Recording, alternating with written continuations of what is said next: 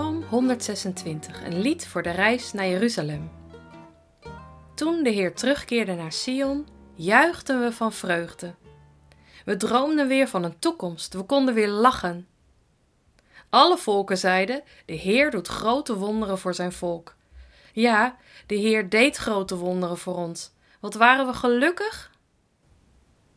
Daarom vragen we u, Heer, kom ook nu snel bij ons terug. Breng ons weer tot leven, zoals regen alles weer laat groeien. Mensen die nu huilend zaaien, zullen juichen bij de oogst. Mensen die nu verdriet en pijn hebben, zullen dan zingen en juichen.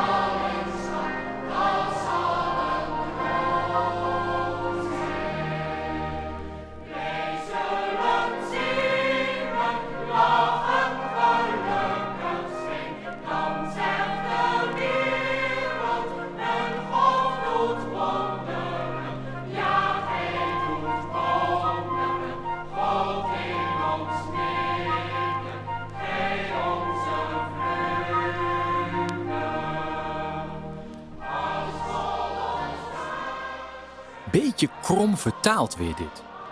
Mensen die nu huilend zaaien, zullen juichen bij de oogst. Kunt de Bijbel ook te simpel weergeven. Let op, zo kan het ook. Wat men hier nu met tranen zaait, wordt eenmaal met gejuich gemaaid. Wie het zaad draagt dat hij zaaien zal, gaat wenend voort en draagt het al. Maar bij het feest der eerstelingen zal hij verheugd het oogstlied zingen. Dan keert hij terug te goeder uur en draagt zijn schoven in de schuur. Kijk, daar zit muziek in. En zo hoort het ook bij deze psalm. Vertrekken met verdriet, arriveren in vreugde. Deze psalm gaat natuurlijk over de ballingschap, de ballingschap van het volk van Israël in Babel. Werd toen het hele volk weggevoerd het land uit? Nee, niet allemaal.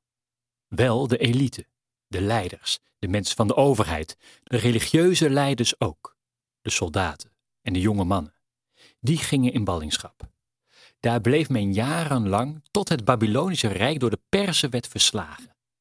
De Perzische vorst Xerxes liet de Joden toen terugkeren, vooral ook om de macht en de zeggingskracht van de Babyloniërs over de Joden te breken. Dus dan toch die ommekeer. Wat met tranen begon, krijgt een finish in vreugde. Ze komen weer thuis. Is dit eindgoed al goed? Alsof je na elke nacht, hoe duister ook, toch de dag weer ziet opgaan? Nee, het gaat verder dan dat. Hier in deze psalm hoor je de verbazing, de verrassing.